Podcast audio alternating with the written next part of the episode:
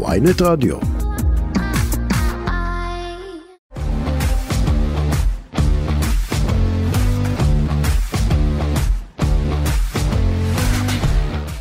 כן, כן, אז uh, מי ששם לב בימים האחרונים והסתכל קצת uh, ברחובות, הבין שהפשיעה ממשיכה uh, לככב, ורק uh, לפני uh, שתי לילות, פיצוץ אדיר החריד את העיר uh, סביון באמצע הלילה.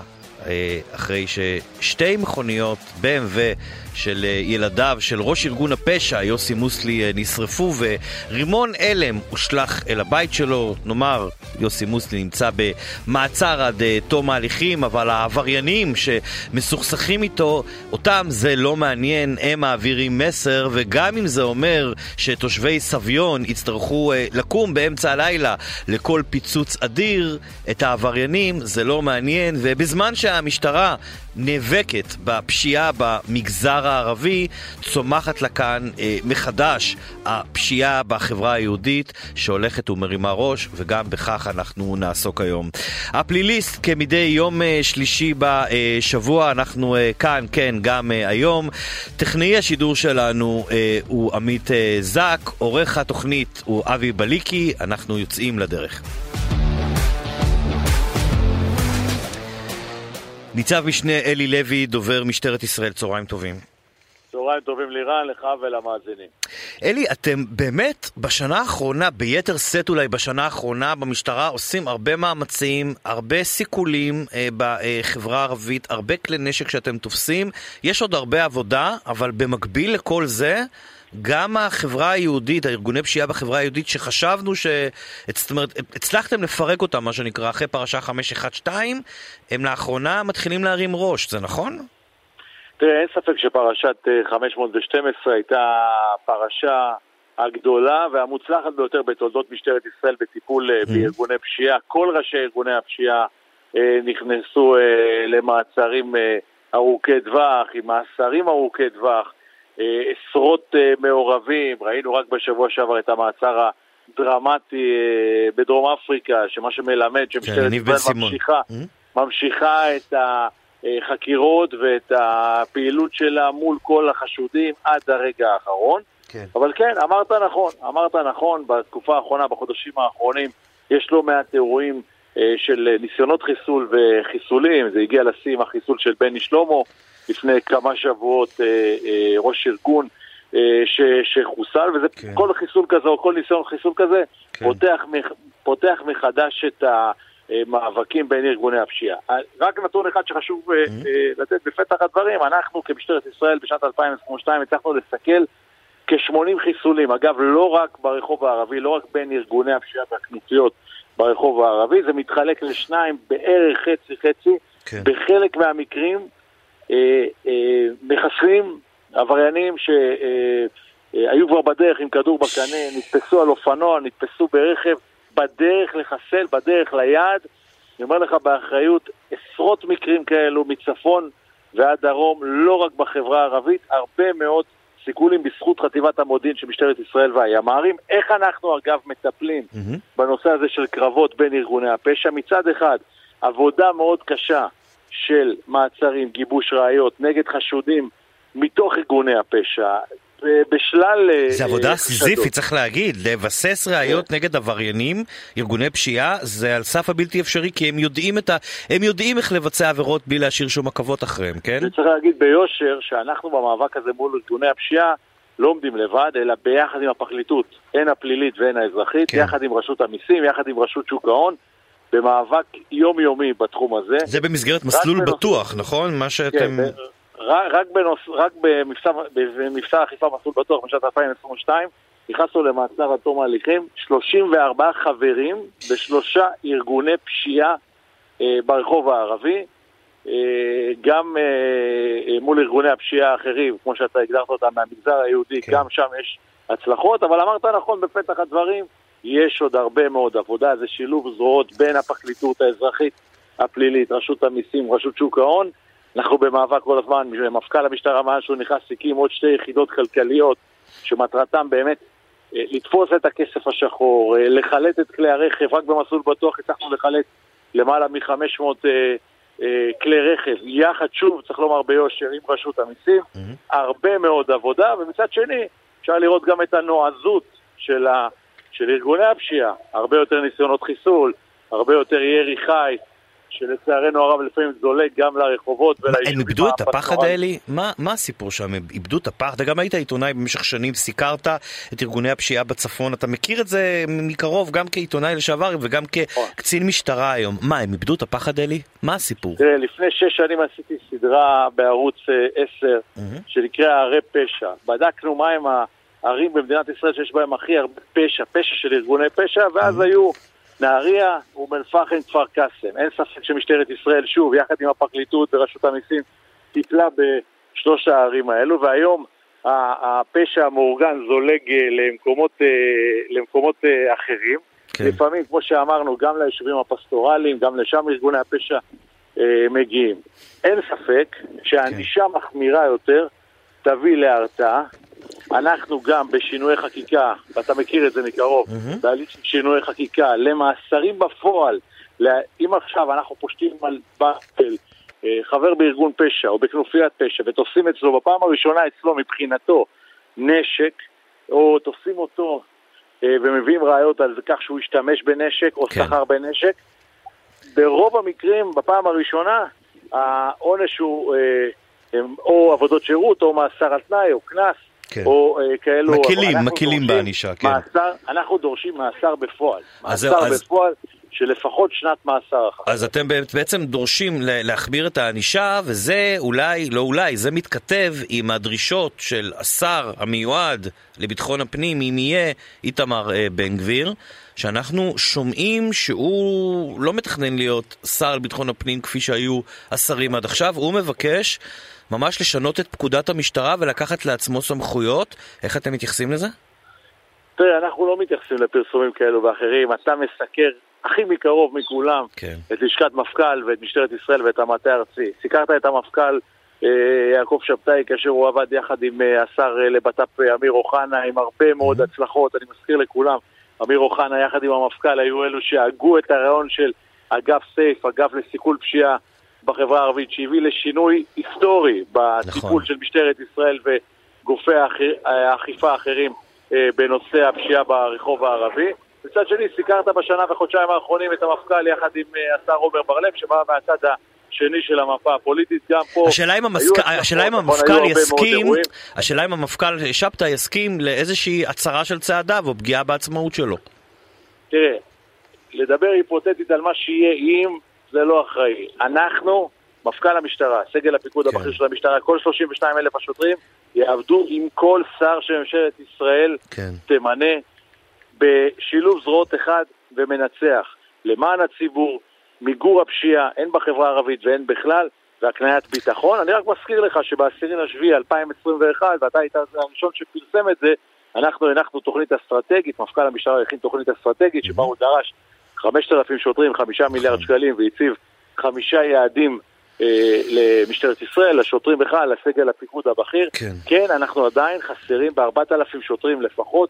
דורשים את זה מכל שר שימונה, וצריכים עוד הרבה מאוד שוטרים בשטח. אין ספק שהרעיבו את המשטרה, וכדאי מאוד שהממשלה הבאה תגדיל את המשטרה, תיתן לה גיבוי ותהפוך את המשטרה למה שהיא צריכה להיות. יש לנו משטרה טובה, רק צריך לתת לה אה, גיבוי, צריך לתת לה תקנים וצריך לתת לכם לעבוד, זה הדבר הכי חשוב. אלי לוי, ניצב משנה אלי לוי, דובר משטרת ישראל, תודה, תודה רבה לך. תודה. תודה אלי. אנחנו באותו עניין, נשארים באותו עניין, אה, ונדבר עם סגן ניצב בדימוס אה, ניסים דאודי, שהיה ראש מפלג תשאול בימ"ר תל אביב. שלום לך ניסים. צהריים טובים, לירן. צהריים טובים, בסדר גמור. אנחנו uh, כבר uh, שוחחנו uh, איתך גם במסגרת uh, אולפן uh, ynet על uh, נושא של ארגוני הפשיעה, גם במגזר היהודי, uh, גם משפחת מוסלי וגם דיברנו על uh, יניב בן סימון, אבל אולי רגע נפתח עם uh, יניב בן סימון. אנחנו אתמול מדווחים שהמעצר שלו uh, מוארך שם בשבוע, שזה בעצם המקסימום שבו uh, ניתן להאריך מעצר, וככל שאנחנו מדברים עם אנשים שמבינים בחוק הדרום אפריקאי, הם אומרים, חברים תירגעו, לא בטוח שהוא בכלל יוסגר, הסיכוי שהוא יוסגר הוא לא מאוד גבוה. אתה מתחבר לזה? אני מתחבר לזה לאור uh, ניסיוני בעבר עם uh, דרום אפריקה, עם עבודה מול uh, דרום אפריקה. יש לנו בעיה מאוד מאוד uh, קשה, הן בגלל ההתנהלות השלטונית שם, שהיא uh, התנהלות של מדינה uh, של עולם שלישי, שבה בעצם uh, פושה, uh, פושה השחיתות, ושם אתה יכול לקנות את החופש שלך. אה, במעט אה, דולרים. אה, זה קרה לי בעבר לפחות פעמיים, שבלילה נעצר איזשהו אזרח ישראלי שמבוקש על ידינו במסגרת פעילות משותפת. יומיים לאחר מכן קיבלנו פתאום הודעה שהוא שוחרר או ברח מהכלא. כמובן לנו היה ברור שתמורת אתנן כזה או אחר הוא פשוט אה, אה, ברח אה, מדרום אפריקה, כן. או מהכלא שם, כן. אה, וזה דבר שהוא מאוד אה, מאפיין. עכשיו, לבוא ולומר לך מה הסיכויים, אני לא יודע היום, אני מדבר איתך על הניסיון שלי מלפני מספר שנים, היום כן. יכול להיות... אה, אה, שהדברים קצת השתנו ורמת שיתוף הפעולה היא קצת יותר אה, גבוהה בין משטרת ישראל, mm-hmm. ומשטרת ישראל נמצאת שם אולי, גם כן נציגים שלה.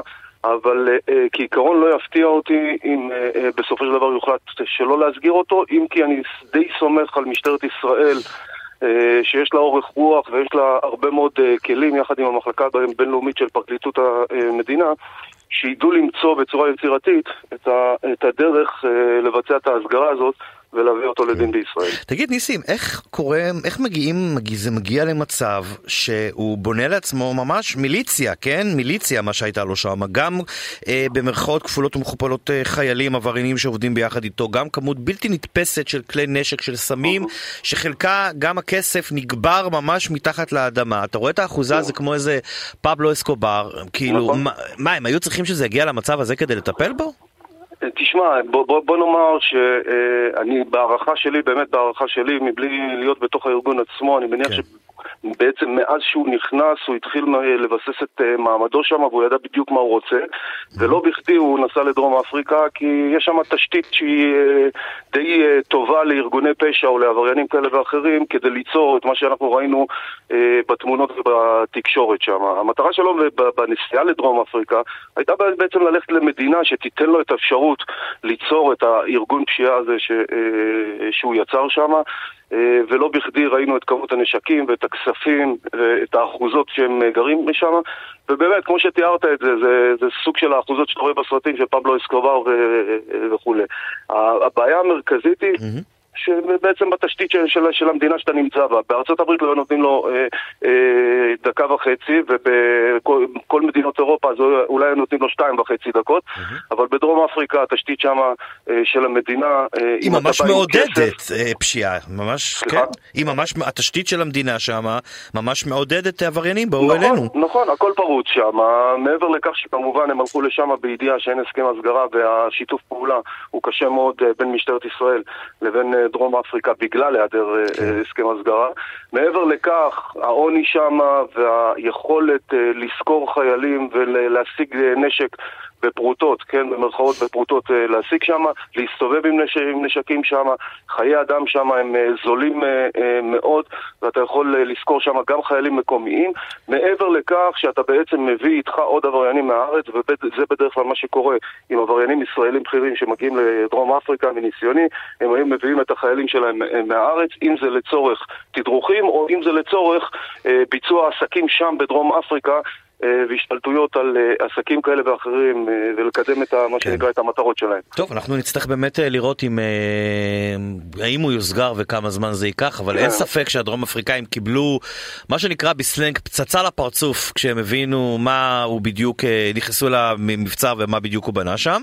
אבל בוא, בוא, בוא נשאר באותו, באותו נושא, שמו, שם כן. אחר, כן. בנושא של יוסי מוסלי, היה נראה, אני יודע לפני איזה חודשיים שלושה, דיברתי עם אחד מקציני קצינים בכירים במשטרת ישראל, שאלתי על מוסלי, אז הוא אמר לי, אה, מה אתה שואל? עזוב, זה כבר, עזוב, זה ארגון גמור, זה באמת ארגון גמור, הנה הוא חזר לארץ, הנה תפסנו אותו, הנה הוא נכנס עכשיו למעצר עד תום ההליכים, אבל אני מבין שהוא כנראה לא לגמרי גמור, נכון? אני, אני, אני מאוד מאוד לא מסכים עם, ה, עם התזה הזאת של אותו קצין בכיר שדיברת איתו. Mm-hmm. ארגון מוסלי זה אה, ארגון שבמשך שני עשורים נחשב לאחד הארגונים הכי חזקים בארץ, הוא ידע ליצור בריתות, mm-hmm. אבל בעיקר, בעיקר, בעיקר אה, אה, הוא ידע ליצור הרבה מאוד אה, כסף, הון.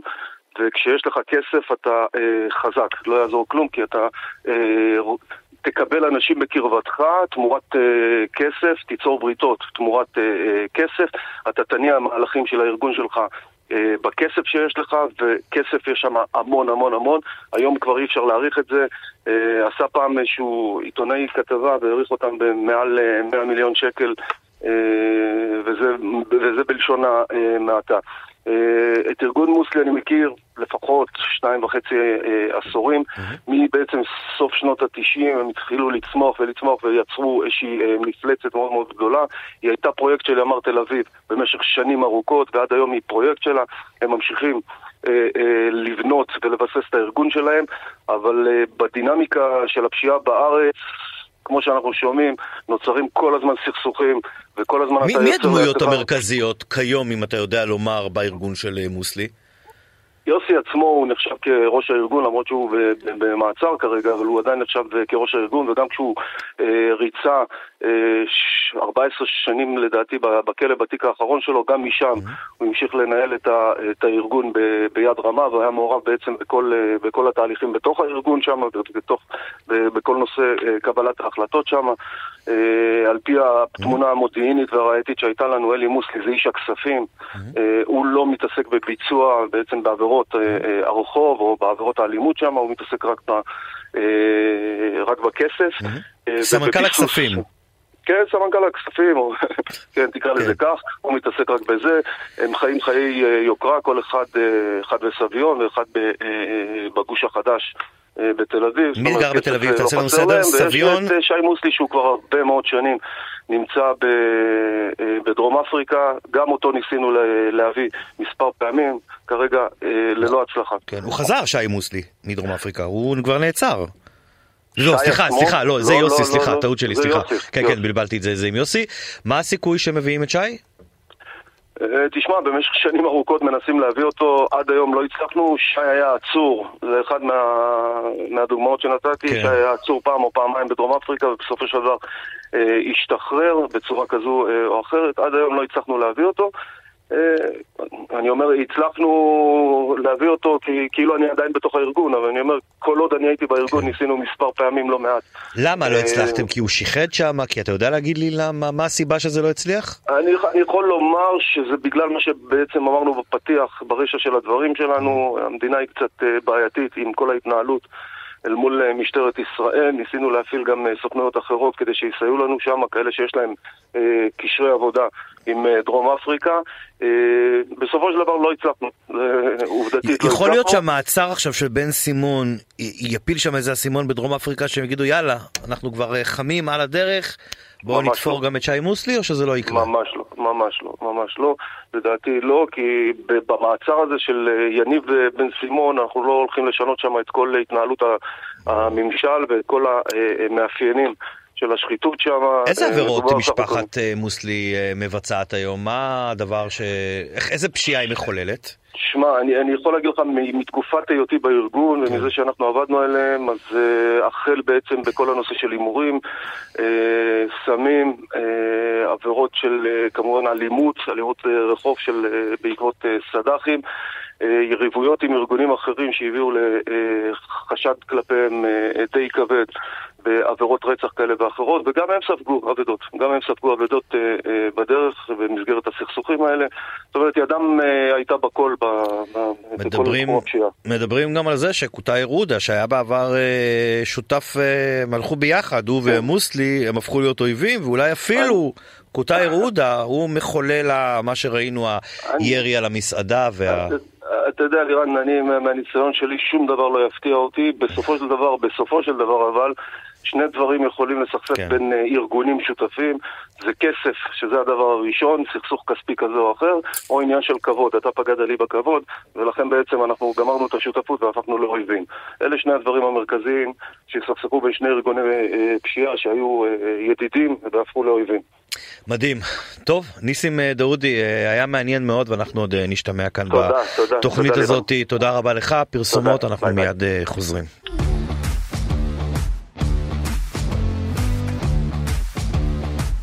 לירן לוי הפליליסט טוב, אנחנו uh, חוזרים, אתמול uh, הוגש uh, כתב אישום ראשון ברצח של uh, הנער יואל לאנגל מקריית uh, שמונה.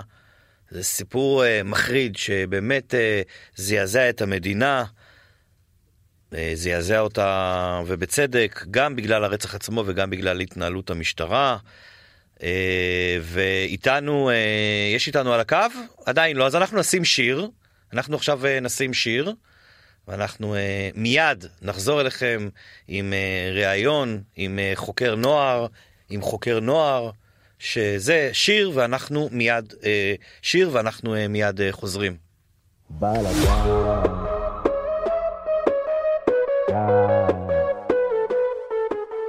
אנחנו עכשיו עם הרצח המזעזע של הנער יואל מקריית שמונה.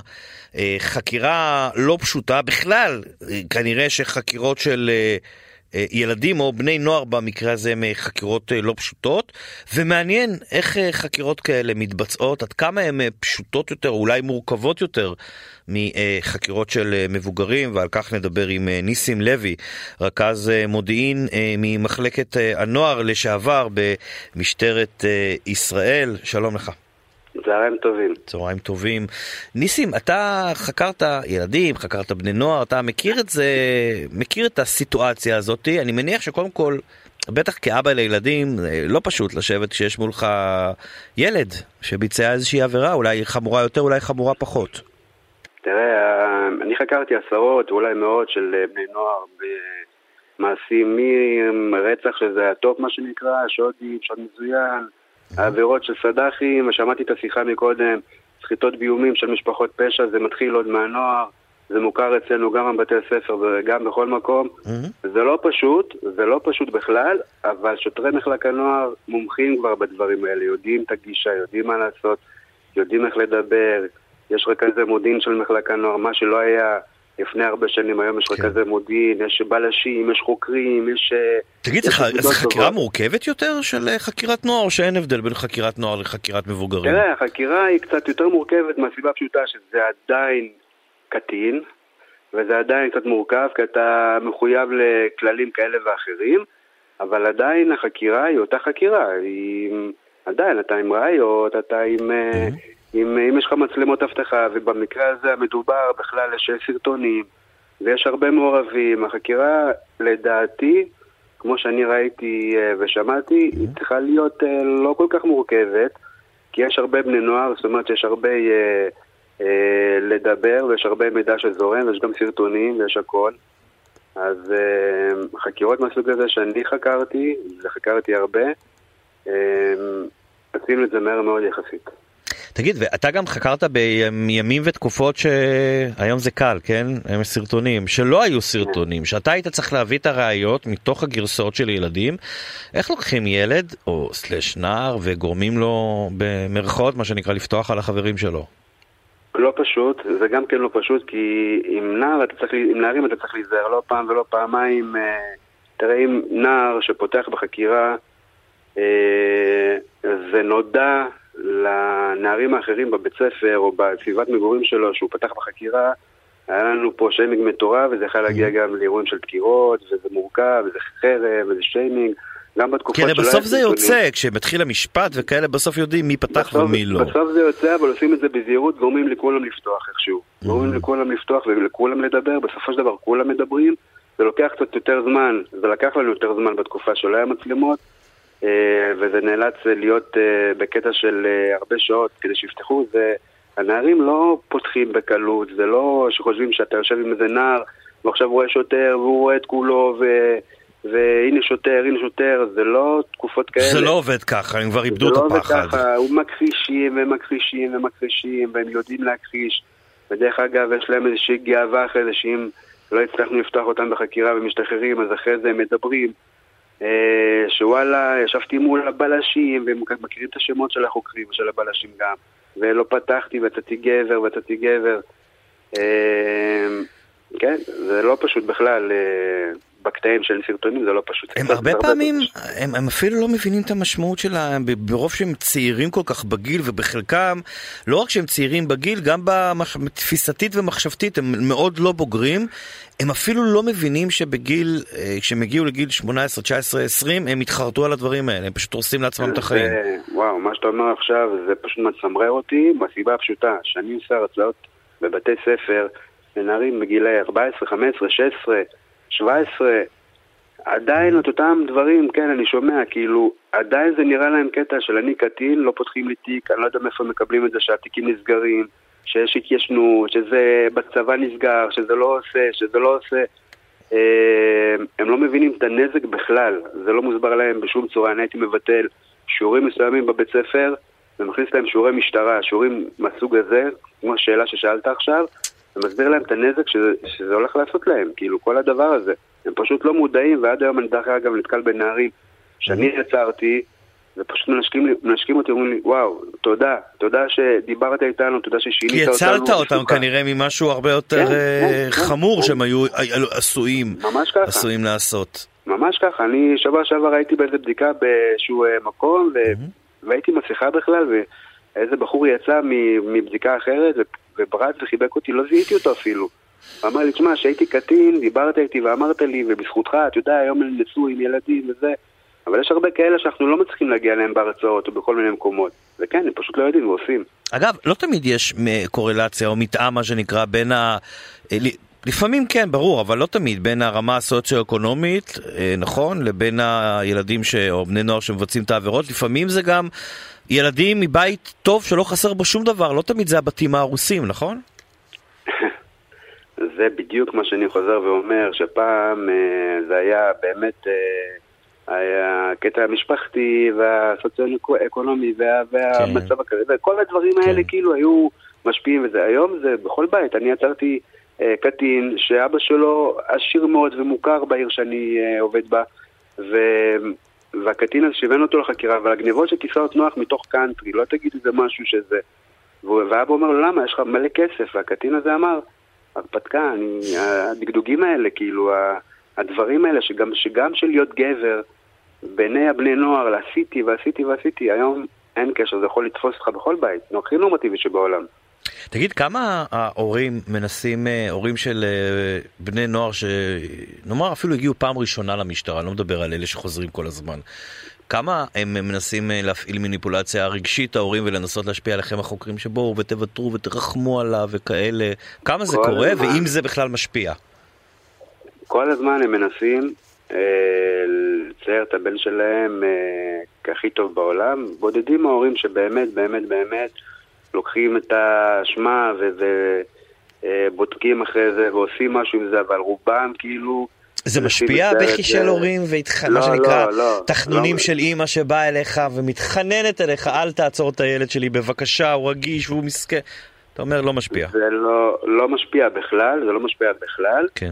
אבל אפילו אם אתה לא עושה הרבה, כאילו, בפעם הראשונה, וזה לא משהו, אפילו הזהרת מספיק שנער מגיע לתחנת משטרה וההורים מגיעים שתיים בלילה, כי אותו נער היה באיזה גינה ציבורית ועשה רעש ולא נשמע להוראת השוטרים, אז אתה מביא כן. אותו לתחנה מעכב אותו, ומביא את ההורים בשתיים בלילה, את העבודה שלך עשית בקטע הזה, ההורים חוטפים את השוק הראשוני ומתחילים לטפל. אם הם לא מטפלים, יש הורים ש... לא הבינו את זה, לרוב אותם נערים כן. מגיעים אלינו עוד פעם, והפעם כבר נפתח תיק, וההליך הוא אחר. ואולי אם ההורים היו אה, מעורבים יותר במה שקורה עם הילדים שלהם, הם לא היו לפחות... ההורים מפחדים היום מהילדים כן, שלהם, כן, לפחות הם לא... נכון. הם מפחדים. תראה, זה, אתה, אתה רואה אימא היום, אתה, אתה שואל אותה, הילד שלה בן 14 כן. בחדר, הדלת סגורה, אתה אומר לה, אני נכנס לו לחדר? היא מפחדת להיכנס לו לחדר, כי יצעק עליה. לא סדרי, סדרי עולם, אה, בהחלט אה, סדרי עולם אה, השתנו, השתנו מפחדים ומזעזע לשמוע את הדבר הזה. ניסים לוי, רכז מודיעין מחלקת הנוער לשעבר במשטרת, במחוז מרכז של משטרת ישראל, מרחב שפלה. אני מודה לך על השיחה הזאת, תודה רבה. תודה, בכיף, ביי.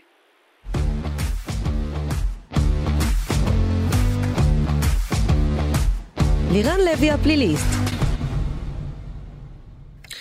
אם אה, דיברנו על אה, חקירות של אה, בני נוער ועד כמה הן שונות מחקירות של האזרח רגיל שמגיע לחקירה במשטרה. אז בואו ננסה רגע להתעסק בחקירות של סלפס, כן, אנשים שכולנו מכירים מהיום יום, ממגוון של תחומים, ופתאום קורה, גם הם עשויים להסתבך ולהגיע לחקירת משטרה. ומעניין לשמוע עד כמה החקירות האלה שונות או דומות לחקירות שאנחנו מכירים, ועד כמה המשטרה אה, אם בכלל, משתמשת בתקשורת בחקיר, בחקירות של סלפס כדי, מה שנקרא, אה, להניע או להביא תוצרים כאלה ואחרים לחקירה, ואין אה, קצין לשעבר מתאים יותר לדבר איתו על הנושא הזה מאשר סגן ניצב בדימוס נמרוד דניאל, מי שהיה קצין אגף החקירות והמודיעין במרחב ירקון, מפקד תחנת גלילות וראש מפלג ביטחוני ופשיעה מאורגנת בלהב 433, כיום יועץ ביטחוני, מומחה פוליגרף, מדריך ומרצה, מחבר הספר לא רלוונטי, המבוסס מבוסס על החקירה של תקיפת אנשי התקשורת בשנים 2008-2009, בה היה מעורב החשוד הראשי, המרכזי, הבדרן והשחקן דודו טופז. נמרוד דניאל גם היה זה שחקר אותו. שלום לך. צהריים טובים לירן. צהריים מצוינים. מצוין, מה שלומך?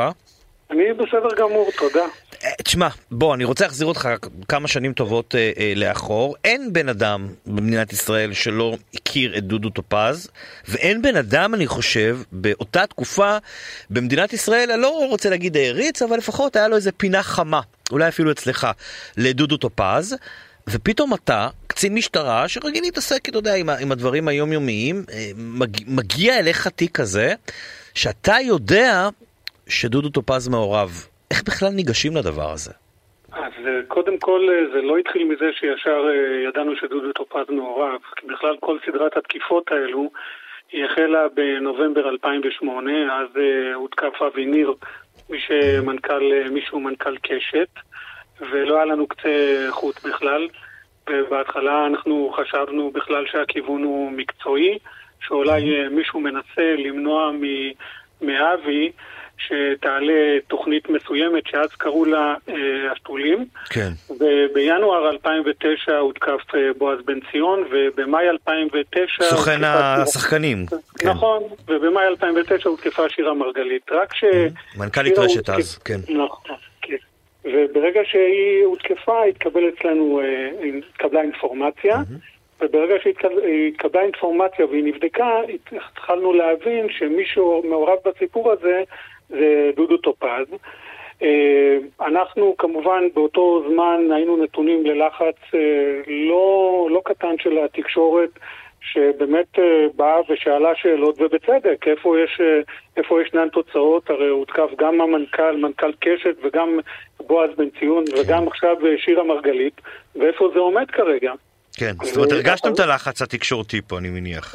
בוודאי, כן. הרי כמו שאתה אמרת בהתחלה ושאלת שאלה נכונה, עד כמה הסיקור אה, משפיע או לא משפיע על החקירה, אז אני יכול להגיד לך שסיקור תקשורתי הוא משפיע. תכף אני אחזור לחקירה של, אה, אה, של טופז, אבל כן. צריך להבין שבכלל הציפייה היא שזה לא אמור להשפיע על, כן. על ניהול חקירה, נכון. כי כל חקירה שמתבצעת על ידי המשטרה היא צריכה להתבצע על פי חומרתה כמובן, בצורה שהיא מקצועית, שהיא יעילה, שהיא אובייקטיבית, וזה לא משנה אם זה מדובר בבן אדם שהוא ידוען או בן אדם מהיישוב. זה לפחות הציפייה שלנו, שהיחס הוא יהיה אותו יחס. כן. הציפייה היא...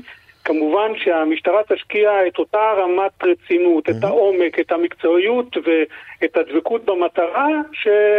שיפענחו גם מקרה של אותה קשישה שהותקפה ברחוב וגם של אה, ידוען. אבל חייבים להגיד שהציפיות לחוד והמציאות היא לחוד, כן. כי לסיקוק תקשורתי יש, אה, יש איפשהו אה, ממוקד, ממקד, ממקדים על המשטרה את התקשורת, והמשטרה לפעמים פועלת לא... לא הלחץ מגיע מלמעלה, נכון? למשל אתה, מהמפקד שלך, הלו, מה קורה? פענוח, פענוח. נכון. זה ברור שיש לחץ תקשורתי כאשר מדובר בידוען, והלחץ התקשורתי גם אה, הוא מופנה כלפי אה, אותם מקבלי, מקבלי החלטות, שזה יורד עד רמה של, אה, של ראש צוות, צוות החקירה. החוכמה היא... לנצל את אותו לחץ אה, תקשורתי לטובתך. קודם כל, מי mm. שמנהל את החקירה, הוא צריך ליצור איזושהי אה, חומה סביבו, על מנת לא לתת לרעשי הרקע להפריע. לא לקצינים אה, בכירים שמתערבים יותר מעבר למה שצריך, וגם כמובן לא לתקשורת שהיא צמאה בטח שזה דודו טופז, כן? בוודאי, ובמקרה הזה של דודו טופז, אנחנו הרגשנו את, ה... הרגשנו את הלחץ הזה, אז אנחנו אמרנו, אוקיי, בואו ננצל את זה. ישבתי עם הצוות שלי ותכננו תרגיל שהוא תרגיל שהצליח בסופו של דבר. אם התקשורת היא כל כך רעבה לאינפורמציה, בואו ננצל אותה. אז אימנו כמה אנשי תקשורת לחקירה אחרי mm-hmm. שידענו או הערכנו שטופז מעורב. Mm-hmm. שמנו, שמנו האזנות סתר על טופז ועוד מספר מעורבים.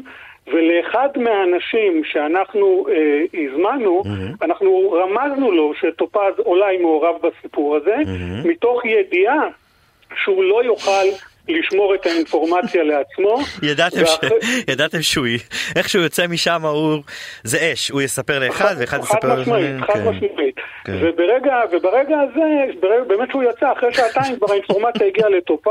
וכבר טופז... קיבלתם שאילתה מאחד העיתונאים, נכון? לא, טופז דיבר עם uh, זנקו, שהיה המתווך. Uh, המתווך בתיק של התקיפה של שירה מרגלית ובועז בן ציון, ואנחנו למעשה קיבלנו ראיות שהן ראיות uh, טובות, וככה ניצלנו את הלחץ התקשורתי הזה. ומעבר לזה, גם אחר כך אנחנו uh, ראינו איך זה משפיע על התקשורת. Mm-hmm. יש את אותו רעיון שמגיע עיתונאי ומראיין את טופז uh, ליד נחל הירקון. גיא פלג, נכון, על נכון. הגשא, הרעיון המפורסם, okay. שאני מניח שכל הצוות החקירה אצלכם ישב וראה אותו ובחן כל נשימה של דודו טופז שם. נכון, אז זו דוגמה באמת לניצול, אה, אה, לניצול אה, שהיה חיובי של הלחץ התקשורתי, כן. אבל יש גם לחץ שהוא כמובן שהוא לא חיובי. וכי אנחנו באמת כ- כאזרחים מצפים שהמשטרה תפעל גם, ב, גם במקרה של האזרח הפשוט, ולא רק כאשר מדובר ב... לא רק כשמדובר בסלב, ותפעיל את, אותו, את, אותם, את אותם מנגנונים, את אותם מאמצים, על מנת לפענח אה, פשעים, גם כשמדובר כן. באזרח מן השורה. אה, תגיד, אה, כן, כן. לסיום אני רוצה לשאול אותך, כי אנחנו עוד בנושא הזה של חקירת דודו טופז, אני עוד רוצה שנעסוק בהמשך בתוכניות שלנו בהרחבה. אנחנו פשוט פחות נכנסים פה לחקירה שלו, אלא יותר באמת למאפיינים של חקירת סלבס. אבל לסיום, אני כן הייתי רוצה לשאול אותך, דודו טופז, בסוף אנחנו יודעים, הוא התאבד. אתה, מהיכרותך איתו, בטח מהיכרותך איתו תוך כדי החקירות, האם אתה חושב שהוא התאבד מהבושה? האם מההבנה של מה עשיתי וסוג של, אפשר להגיד את זה, לקיחת אחריות? או פחד, מה, מה יהיה איתי וחוסר היכולת, אולי הנרקסיזם שלו וחוסר היכולת שלו לחשוב על עצמו בכלל כאדם עצור? כן. אני צריך להגיד, אני רוצה לומר לך שביליתי בחדר החקירות עם טופז mm-hmm. באמת שעות על גבי שעות.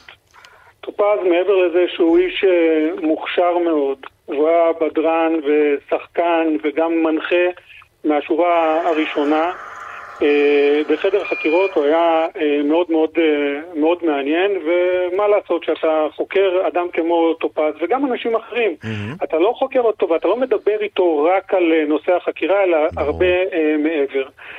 טופז הרגיש שהוא מאבד את כל עולמו, וגם בימי המעצר היה לו ניסיון אובדני אחד, כאשר הוא ניסה להזריק, הוא הזריק אינסולין בחדר המעצר, mm-hmm.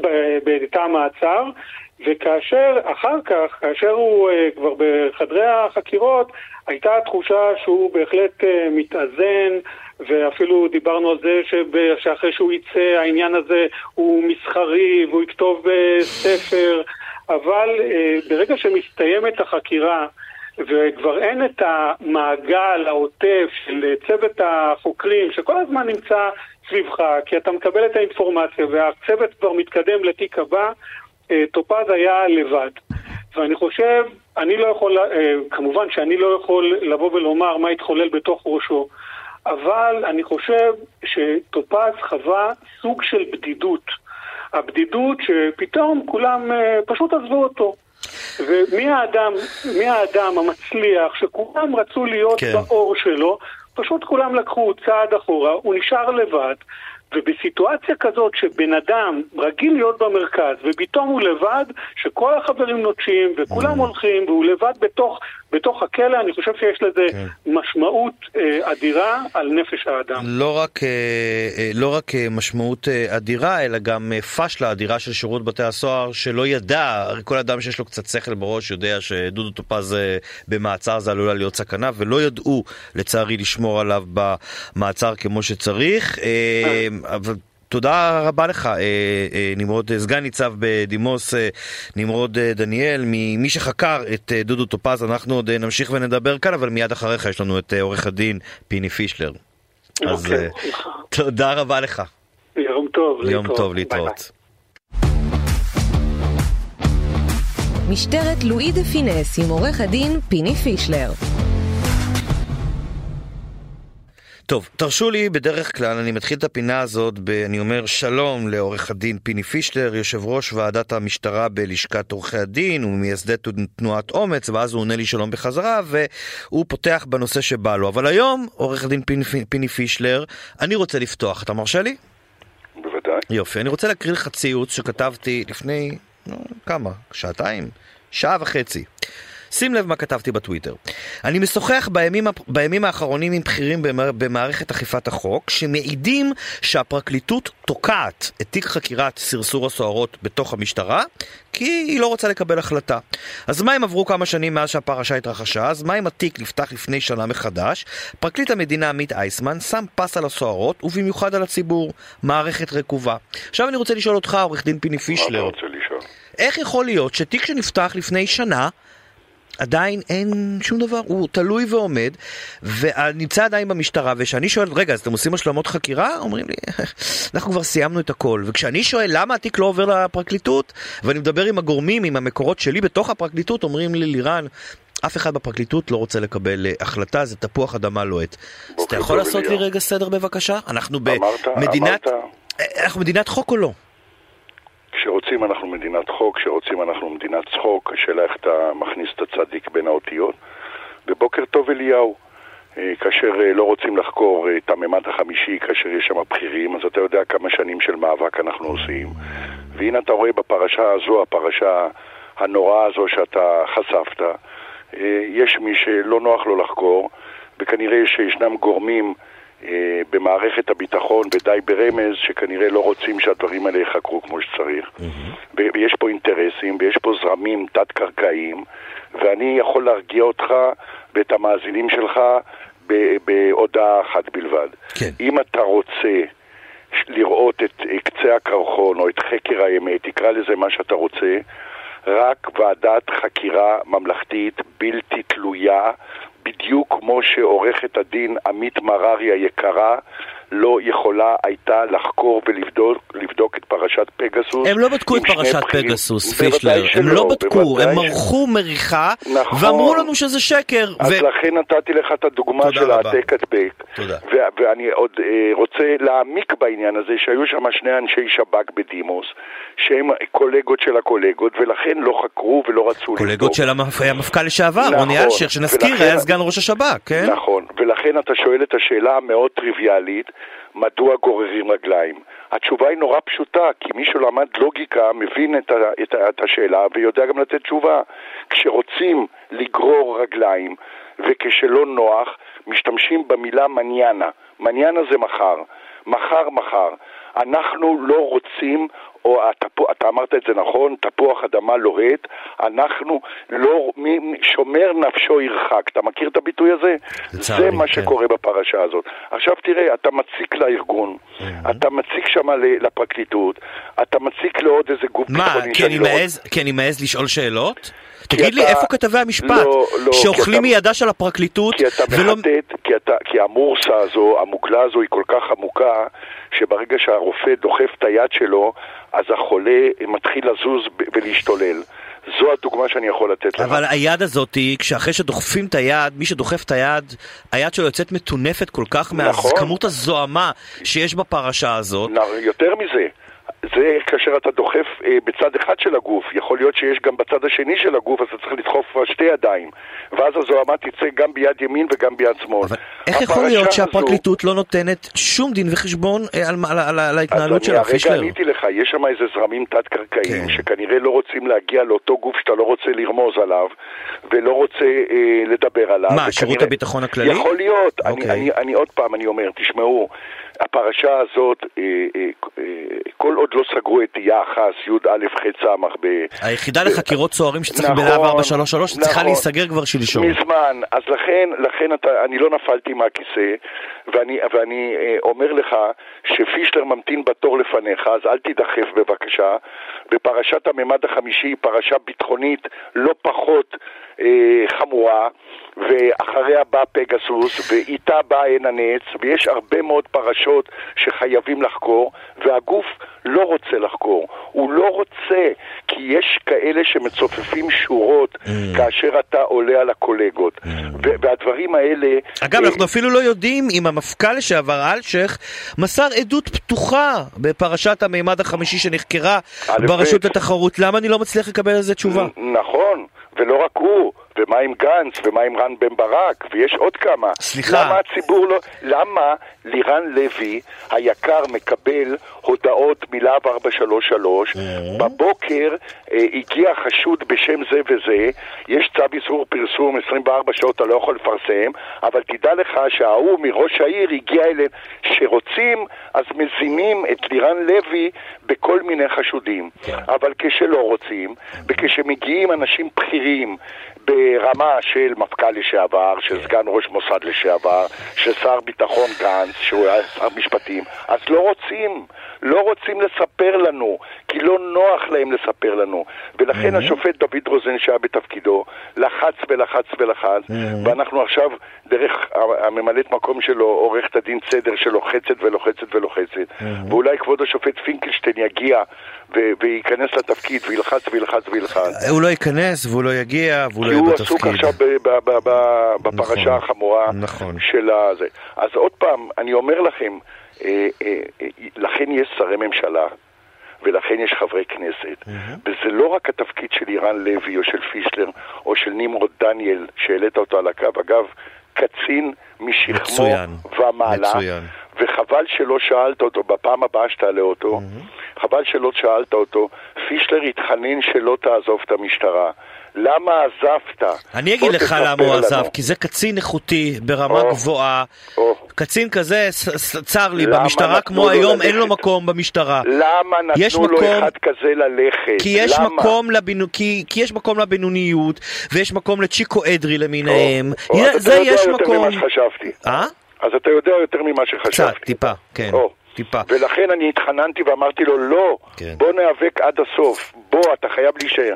אז הנה, מגיע שר חדש, בוא תגייס קצינים מצוינים כאלה שפרשו, ואנחנו צריכים אותם חזרה. אנחנו משוועים, אתה יודע איזה קצין הוא, איזה הישגים יש לו, איפה הוא שירת, איזו יושרה, איזו מקצועיות, איפה האנשים מקום, האלה צר היום? לי, אין לזה מקום היום אה, במשטרת ישראל, לא תמיד יש לזה מקום היום לצערי הרב, אני מקווה שהדבר הזה ישתנה, ובטח שהשר החדש, אנחנו כבר מחכים שייכנס לתפקידו, ועל זה אני באמת לסיום, יש לנו עוד שלוש דקות, אז אני זה. רוצה להספיק איתך. אה, אנחנו שומעים הרבה מאוד אה, קולות של אנשים שממש מביעים חשש מזה שבן כן. גביר רוצה לשנות את כן, פקודת המשטרה, כן.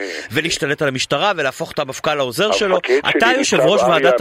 אתה יושב ראש ועדת ה- המשטרה בלשכת עורכי הדין, איך אתה רואה את זה?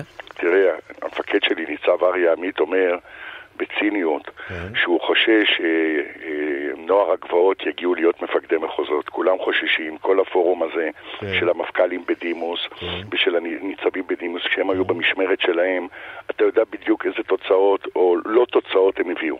אז אני מבקש, קודם כל, מכם שבו בצד. הייתה לכם תוכנית, גמרתם, סיימתם, עכשיו יש כוחות חדשים. הכוחות זה המפכ"ל, שאתה יודע שאני אוהב אותו מאוד, והשר לביטחון פנים, שאני מקווה, מקווה שיביא שינוי. עכשיו תשמע לירן, לא נעים לי לשאול אותך בשידור, בן כמה אתה. לא שואלים רוצה- אישה בת כמה היא. אבל, לא. נכון, אבל כן. אני רוצה לספר לך שפקודת המשטרה נולדה בשנת 1971, לפני 51 שנה. אתה עוד לא נולדת אז, ולכן בשלה, למה, למה לא שאלת אותי למה פקודת משטרה זה לא מפריע לך משהו מנדטורי? נכון, מנדטורי, זה לא מפריע לך. למה, איפה היה המחוקק עד היום? ותקראו את הפקודה. למה לא מסדירים אותם? מה תפקידו של המפכ"ל? מה תפקידו של השר? לא שר משטרה, זה כבר שר לביטחון פנים, וכל הסמכויות שלו, ומה התפקידים אבל שלו. בוא, בחייאת פישלר, איזה סמכויות יש לשר לביטחון פנים? חוץ מלחתום לחתום על מינויים, אה, ולפתוח. תחנות משטרה, כן. ולהביא קצת נו, תקציבים. אז זהו. אז הוא לא יכול לעשות שום דבר. בא בן גביר, אומר וואלה, אני לא בקונסטלציה רוצה הזאת לא לא. אצליח. נכון, אומר, אני לא רוצה להיות עציץ. לא, בסדר, אבל אתה רוצה מפכ"ל שיש לו, אה, לא מפכ"ל, סליחה, אתה רוצה שר לביטחון פנים, למשל בן גביר, שהוא יכול להחליט שהוא מתערב בחקירות, והוא למשל, ואבוי. נו, אז מה? אוי ואבוי, לכן אנחנו פה. אה, התנועה לאיכות השלטון הוציאה מכתב אה, ארוך, מפורט ומנומק ויפה. אוי ואבוי, הוא לא יכול להתקרב לא ללהב 433 ולא לחקירות של אזרחים. אבל זה מה שרוצים של- לעשות, רוצים לשנות עכשיו את החוק. אז, אז אדוני, זה לא יעבור וזה לא יעבוד. למה לא יעבור? משפט. פסקת ההתגברות. אה, אין דבר כזה, אין דבר כזה. הדבר הזה, אתה יודע, אתה מכיר הלוא את האמירה הזאת, דברים שרואים משם, לא רואים מכאן, ועושים שופוני, והדבר הזה שומר נפשו ירחק. המשטרה תחקור ותעשה את עבודתה. ויש מפכ"לים שאומרים, ובצדק, שאם המפכ"ל הנוכחי יראה שנכנסים לו למכנסיים ו- וקושרים לו את הידיים ואת הרגליים, אז הוא ישים את המפתחות ויגיד לו, אדוני, אני לא פקיד שלך ואני לא עוזר שלך ואני הולך הביתה. טוב, את זה קובי שבתאי, קח הימור, ספוילר, הוא לא יעשה. אז אתה לא מכיר את קובי שבתאי. אני חושב ש... הוא לא בנושא של. אה, קובי שבתאי, אני חושב שאתה ואני אוהבים הוא אחד לא את השני. אך חלוקים, לא, לא טענתי שהוא פראייר, אך אה, חלוקים, עורך הדין פיני פישלר, משטרת לואי דה פינס, הפינה הקבועה שלנו, אנחנו נחזור לדבר שיהיה כאן. לכם יום טוב. גם בשבוע הבא, יום טוב. תודה רבה לך, ותודה רבה לכם על ההאזנה לשעה האחרונה. אה, מפיק התוכנית היה אבי בליקי, טכנאי השידור עמית זק, אני לירן לוי, ומיד אחרינו חדשות השעה אחת. המשך האזנה נעימה.